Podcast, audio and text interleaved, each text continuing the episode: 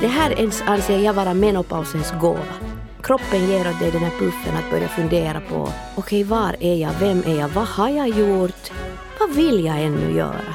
Och det är det här som jag tänker att är den där verkligt positiva saken. Jag tycker att vi ska bli inte bara klimatsmarta på arbetsplatsen utan klimakteriesmarta.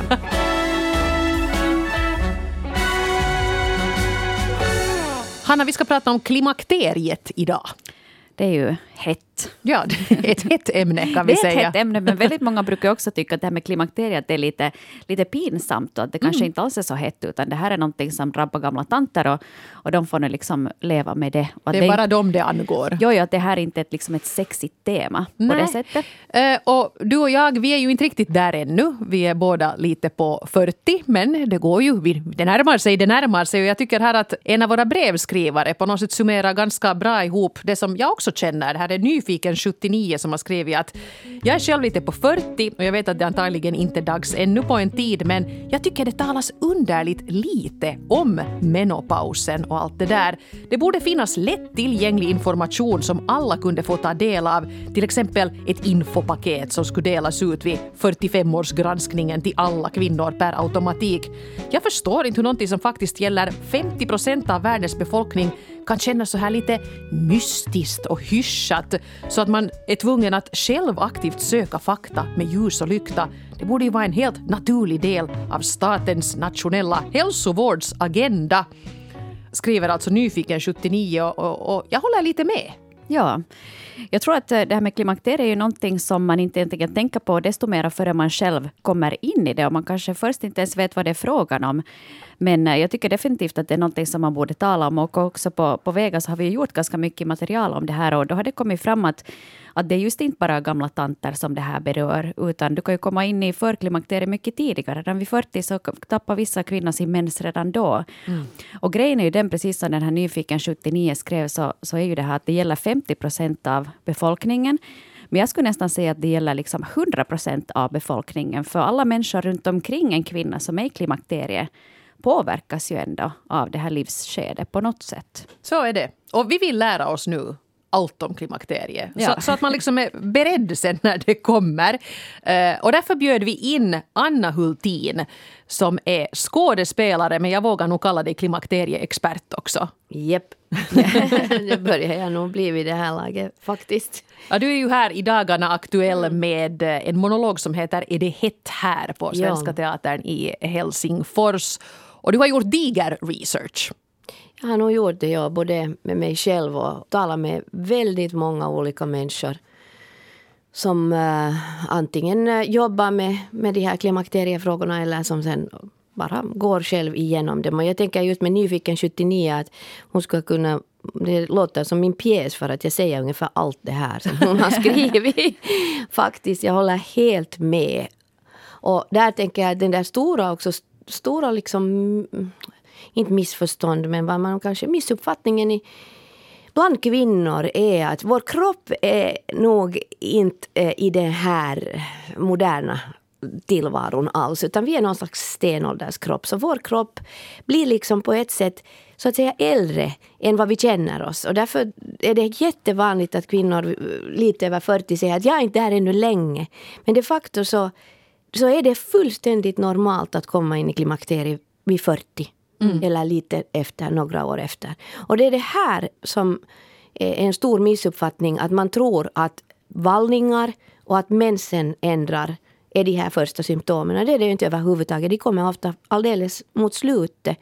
Det är alla möjliga andra konstiga symptom som börjar när, när estrogenet börjar avta i äggstockarna. Och då är mensen, det kan gå tio år till och med innan mensen börjar bli oregelbunden. Och det, det, är den här missuppfattningen som jag önskar att folk ska börja förstå. För att ju mer du förstår att det kan faktiskt handla om premenopaus. Och premenopaus, jag visste inte ens att det fanns ett sånt ord. Liksom, mm. På riktigt förstod jag inte att jag hade varit i premenopaus ungefär mm. sju år innan jag förstod vad det hela handlade om. Och till saken hör att min mamma dog redan när jag var 25 så jag hade liksom ingen sådär som jag naturligt frågade av heller. Nej, precis. Och, och mina vänner så... Det, det, är också det här sto, stora problemet att folk, liksom, folk på något sätt lider lite i tysthet just för att de här symptomen kan vara så udda Och liksom man kopplar inte. Det här är det största. Jag börjar lite jämföra med, med hur det var liksom i, i den andra ändan. Jag tycker att då när jag var tonåring och fick mens hade jag jättebra koll. För det hade informerats och man hade läst Kamratposten och det var liksom en massa information om, om man gick ju där och väntade att när sätter det igång, när sätter det igång, är jag Ja. normal, är jag normal? Eh, Så puberteten, då har de flesta av oss ganska bra koll. Men sen det här, Men, men det här har hänt en sån här generationsgrej, tänker jag, när jag har funderat på det här. Så det har hänt så att um, de här kvinnorna som brände bhn och som är ungefär 75-80 idag den generationen de facto stod lite på barrikaderna också vad gäller klimakteriet. Det gick sen över till att an, alla nästan använde östrogen. Sen kom den här stora grejen om att eh, östrogen skulle leda till bröstcancer. Vilket sedermera har forskats i otroligt mycket och det egentligen berodde på att, att kvinnor bör, man börjar med östrogen lite för sent i livet som var den där stora grejen varför det ökar på bröstcancerrisken. Men um, nu vet jag inte mer var jag börjar. det här Jag vet inte heller. nötskal. ja men den här Ja, generationsskiftningen här. precis, precis. Tack att du håller reda på det. Men det, där, det är att, att eh, efter det, den generationen här emellan, jag är nu 55, så eh, generationen emellan den blev på något sätt att det var jättetyst sen på 90-talet, 2000, början på 2000-talet. Så den där informationen, jag vet inte, det har gått i vågor helt enkelt. Och nu känns det som att min ålders kvinnor börjar tala om det, vill tala om det. Just ni som nu är ännu då kanske nästan 15 år yngre än jag, men, men 10 år yngre kvinnor, det är mycket mera liksom att vad är det här, vad händer? Att vi är mera vi måste göra samma arbete nu med klimakteriet som gjordes med mensen. Var den blev liksom så att på riktigt så går ju dagens unga kvinnor och skickar sina pojkvänner på tamponguppköp. Och jag är helt wow. Att det här håller på att ske och ska ske. Ja, absolut. Jag håller helt med dig. Kanske det här skulle bli en del av statens nationella hälsovårdsagenda som Ja. den, där, den där personen skrev också. Här hade signaturen KRIS47 skriver så här.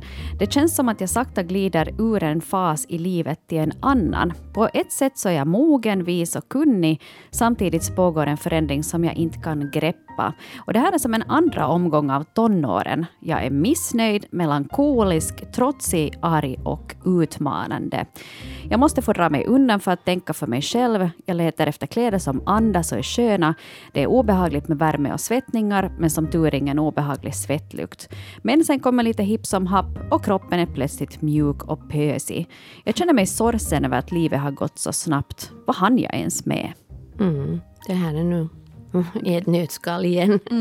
Det är så att um, våra, mm, när estrogennivåerna går ner så går också progesteronet ner och så kan man börja bli både liksom argsint och, och ledsen och deppig. Och, och det intressanta är också att de här känslorna av, av um, att vara...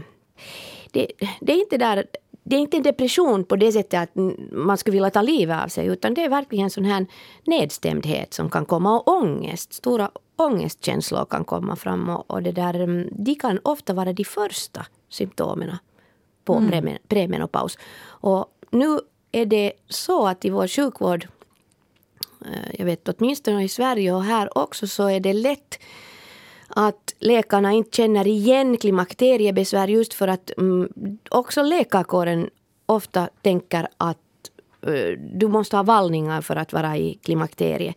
Men det är bara 70 procent av kvinnorna som har vallningar. 30 procent har aldrig några vallningar. Och därför mm, kan de ofta sen få recept på antidepressiva istället för att prova på östrogen som skulle kunna hjälpa i det skedet.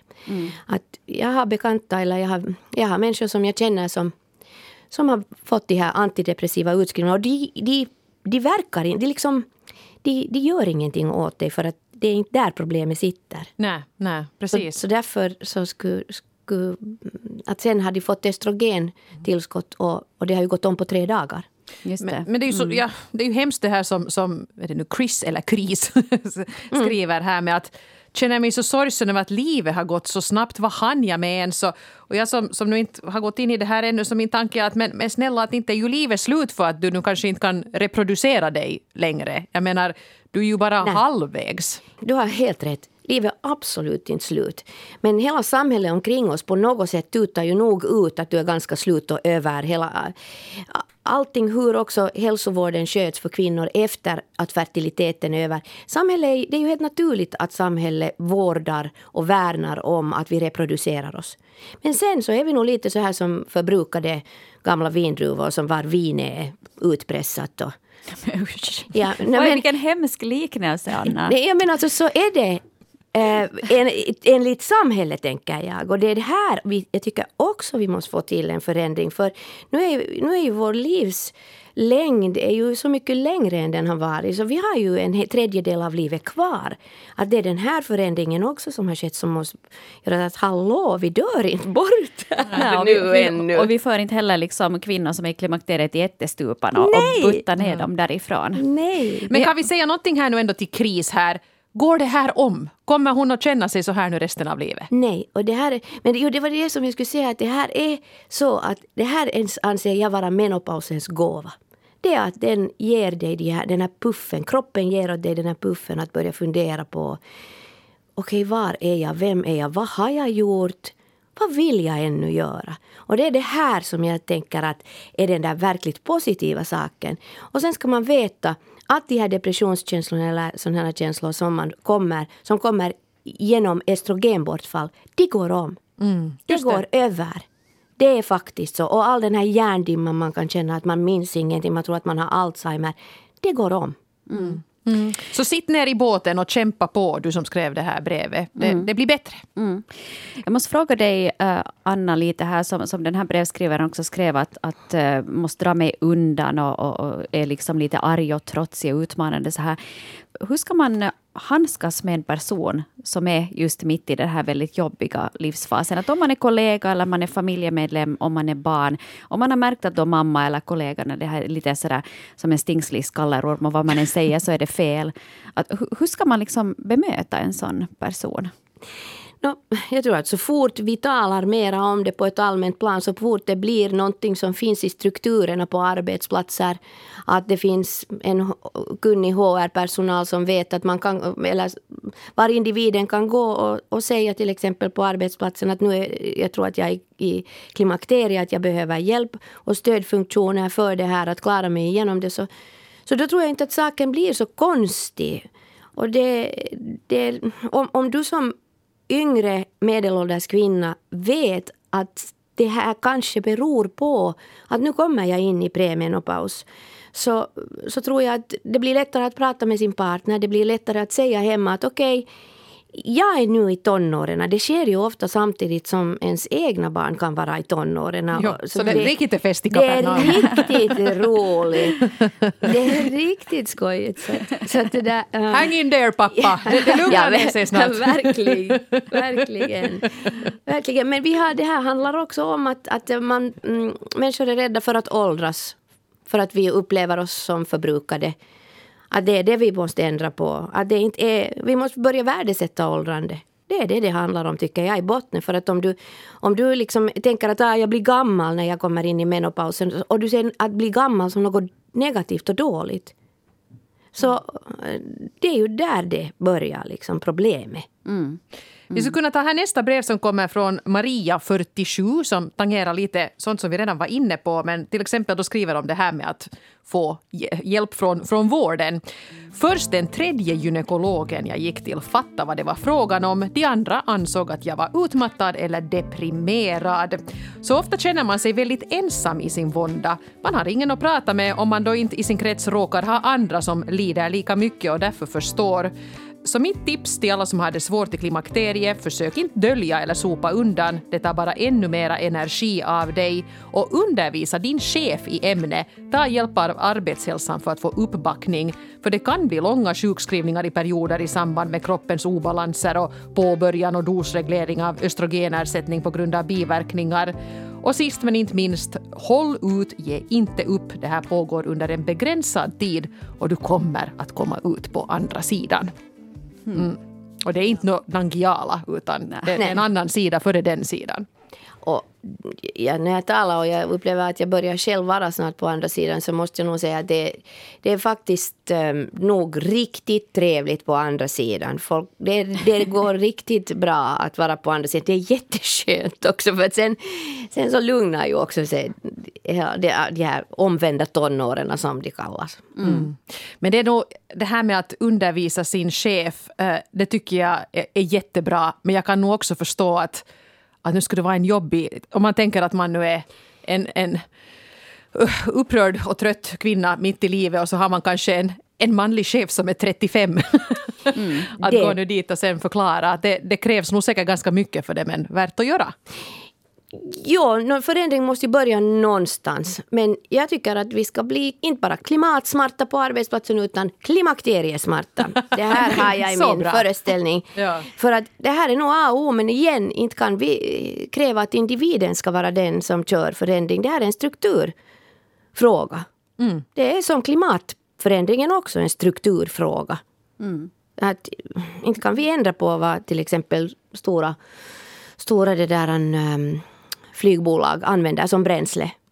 Det måste ske en strukturförändring. Mm. Så att, eh, jag tycker att det är så ledsamt det här också att man är så ensam med de här frågorna. Att ju mer vi pratar om det, desto mer kanske också arbetsgivaren tänker att wow, att, mm, kanske vi kan göra någonting. Kanske vi kan. Det, det intressanta här har också att göra med att vi använder medianmannen som norm. Det vill säga också klimatkontrollen på arbetsplatser följer en viss standard som följer med medianmannen som ofta har alltså, för en ung kvinna till exempel fryser nästan alltid på sina kontor. Mm, precis. Ja, men en äldre kvinna har ju här jätteskönt. Mm. ja, studiorna är ganska svala. De är svala, men de, de funkar jättebra för en man typ 35. Mm. Och det måste vi komma ihåg och det, vet, det förstår vi inte. Att det, det finns så mycket forskning som saknas i frågan om också en sån här köns... Um, kallas det segregerad forskning. Eller så att man också tar i beaktande de olika, helt enkelt de olika kroppsfunktioner som kvinnan och mannen har. Mycket riktigt. Det där är en jättebra poäng. Ja, mm. och det, jag tycker just det där som att det, det är den där chefen som borde vara klim, klimakterieutbildad. Mm. istället för att den arbetstagaren ja. ska behöva eller, göra det. Eller hela firman. Det mm. måste ja. vara hela firman som tar sig an en utbildning. Och, och därför tycker jag att med min pjäs också så eh, det var marknadsföringsavdelningen som kom på en jättebra slogan och det var att känner du en kvinna då är det här en pjäs för dig. Det vill säga, mm. det gäller på riktigt 100 mm. procent av eh, populationen. Ja. ja. Och just det här med arbetslivet, jag tänker att det kan ju till och med vara ett ganska bra tillfälle att ta de här snacken nu när arbetslivet har sett hemskt underligt ut de senaste åren och kanske folk har fått testa på att jobba hemifrån och sånt. Att redan där skulle säkert de här kvinnorna som känner att, att de är på väg in i det här och skulle behöva lite alternativa lösningar kan ju komma säkert med konkreta förslag. Att jag får mera gjort när jag sitter hemma för där kan jag ha fönster på vid gavel. Exakt, jag tror att det här har varit en bra sak när man har märkt att till exempel flextider var man, um, det finns ju också hela den här uh, sömnrytmen som, um, som är olika för oss, oss alla annars också. Men uh, i klimakteriet så kommer det här min käpphäst, det vill säga att inte uh, vi kvinnor sover. Mm. Och det gör alltså att många somnar om på morgonnatten och sen väcker klockan en någon gång sju, halv åtta eller före också. Så det här är ett jätteproblem om man inte talar om det på arbetsplatsen. Mm. Mm. Ska vi ta och lämna arbetsplatsen nu och bege oss in i sängkammaren, höll jag på att säga. Men Där är det kallt och torrt. de nästa två breven här. Eh, det första kommer från signaturen Fy Farao 57. Skriver så här. Jag är totalt ointresserad av det motsatta könet. Helst så kan kan fara åt fanders. Resultatet är att alla karrar och gubbar i min ålder äcklar mig. Det enda de har på hjärnan är sängpolka och ingenting annat. Bla! Så skriver fy Farao 57 som uppenbarligen uh, då inte tycker att det här med, med, med sex är liksom det som står högst upp på listan just nu. Vad har mm. du Anna för kommentarer? Jo, det är nog jättevanligt. Och igen, det finns ingen forskning som svarar på frågan varför. Men ungefär hälften av kvinnor i klimakterieåldern upplever en nedsatt sexlust. Och det, i, i mina... No, Okej, okay, det har förstås med huvudet att göra och hormonerna. Det vill säga att, att du känner så. Men samtidigt så torkar du ju ut. Du har, slemhinnorna blir torra och sköra och det kan börja göra ont. Och kan man inte tala om det med sin partner så kan det ju vara jättesvårt och då börjar man undvika det istället. Men det finns ju hjälp att få. Det kan vara både kletigt och klottigt men inte behöver det alltid vara. Det finns eh, estrogenpiller som man kan sätta lokalt i slidan och det faktiskt hjälper slemhinnorna att, att få en lite tjockare yta så att mm. det går bättre igen. Mm. Och det finns hjälp att få. Det är ju kanske det som jag tycker är jätteviktigt också att förstå. Att, att du behöver inte vara ensam med det där. Men samtidigt så, det, så börjar man ju inte... Eh, om inte din mens är oregelbunden så börjar du inte nödvändigtvis att koppla heller själv när det börjar svida. Först tänker man att man har, inte vet jag, man har kanske haft äh, gästinfektioner under livet och så har man börjat tänka att man har allt möjligt annat. Man kopplar inte det att estrogenet börjar avta. Mm. Nej. Som orsak. Skyller ja. på sig själv. Jag hade de där polyesterbyxorna igår, ja, det var nog mitt fel alltsammans. Ja. Men, men vad säger du om det här liksom som hon sa att hon är totalt ointresserad av det motsatta könet och att alla karrar äcklar henne? Liksom att alla i hennes egen ålder märker ja, alla hennes jag. Jag funderar just att kanske gå ner i medelålder. jag, jag, jag är med i alla möjliga så här Facebookgrupper bara för att på ett sätt ha fått um, inte egentligen in, inspiration, men mera bekräftelse för vad jag har skrivit om. Och, och där är nog jättemånga damer som har yngre män faktiskt. Ja. att det kan ju hända att det går åt det hållet. Men att, um, jag, jag, jag, tror att det, här, det är nog hormonellt betingat det här verkligen. Och där kan eh, en viss det här, det här, jag är inte en gynekolog, mm. men om jag förstått så, så kan det finnas också... Man kanske behöver lite testosteron, de mm. facto. Mm. Mm. survival kit för klimakteriet. Det ja. Kläder som andas bra, en bra fläkt och en ungkar. Ja. Ungefär, och lite, lite hormoner ja. kanske. Liksom. Om man kan ta dem, det är inte alla som kan. Det är ja. just det. Mm. Eh, uh, nu här var ju sen Pia, 56, som hade liksom en, en, en lite annan upplevelse. Samtidigt som jag kom i klimakteriet träffade jag min nya kärlek och från att vara en rätt sansad person förvandlades jag till en känslosam hormonstinn 15-åring. Så beskrev i alla fall min dotter mig. Men det var så mycket känslor plötsligt och jag tolkade allt han sa och gjorde som en galen människa. Men efter att jag fick plåstret så blev jag mitt gamla jag igen. Men sexlivet däremot har aldrig varit bättre. Mm. Det är en solskenshistoria. Ja, att det kan gå bra också. Jo, jo det är ja. den där andra 50 procent som aldrig har tyckt om, om sex så mycket som efter klimakteriet. Eller det. under. Mm, det är det konstiga.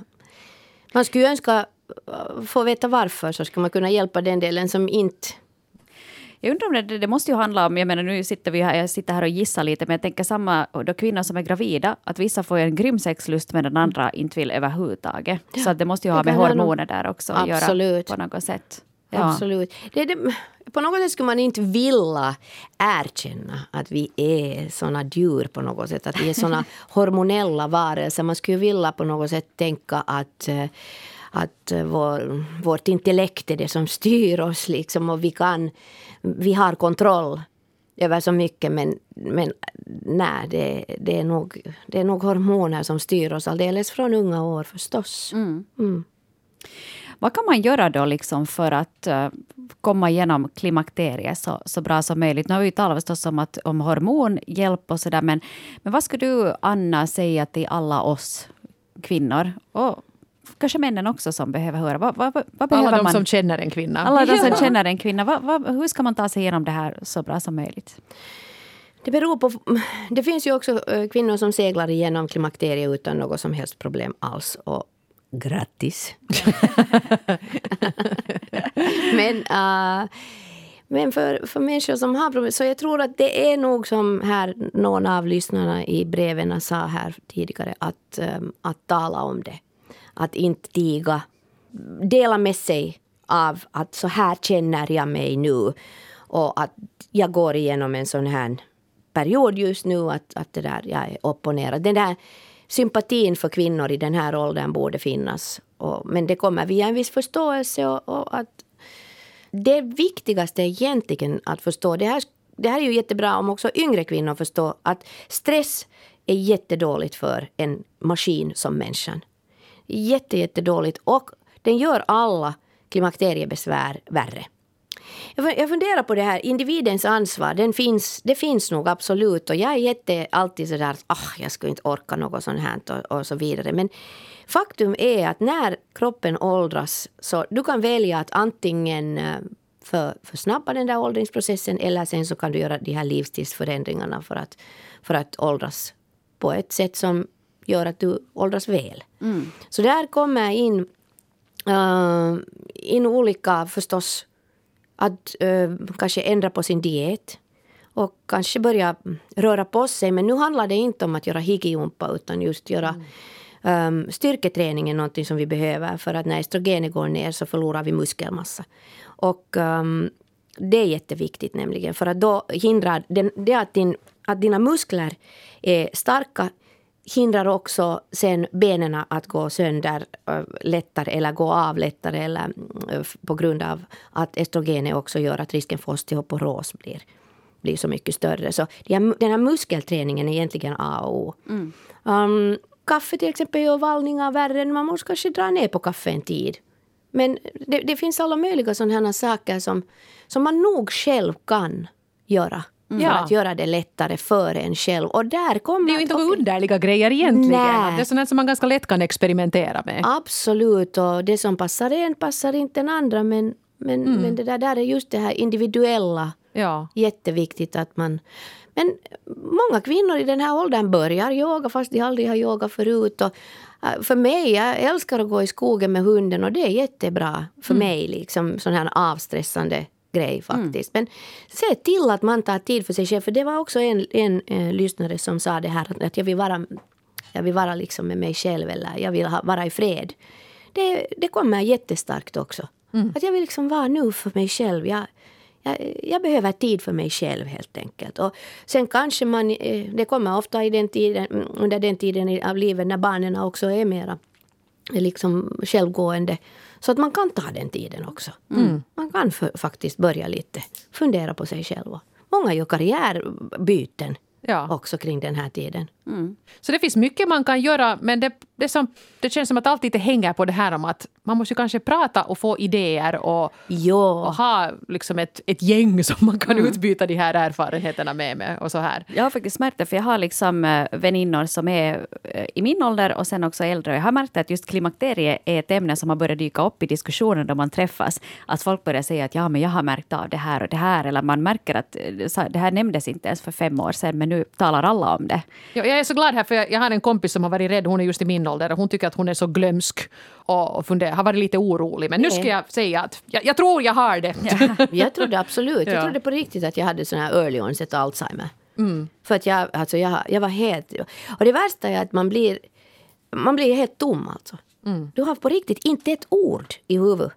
Och du vet inte ens vad du... Vad har vi just pratat om? Det är liksom... Och då blir man ju livrädd och tror att det är något Exakt. allvarligt fel. Men, men, det är ju tröstande att inse då att det här det är så som det är just nu och det går om. Det går om. Mm.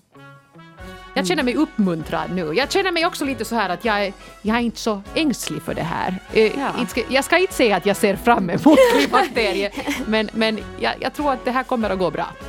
Det går säkert bra, men huvudsaken är att man fortsätter att prata om det. Mm. Det ska vi. Och det gör vi ju här. Och tack till dig Anna Hultin för att tack. du kom hit och, och gav oss lite hopp yes. i, i livet. Tack, och hopp tack. i underlivet tänkte jag att du skulle säga.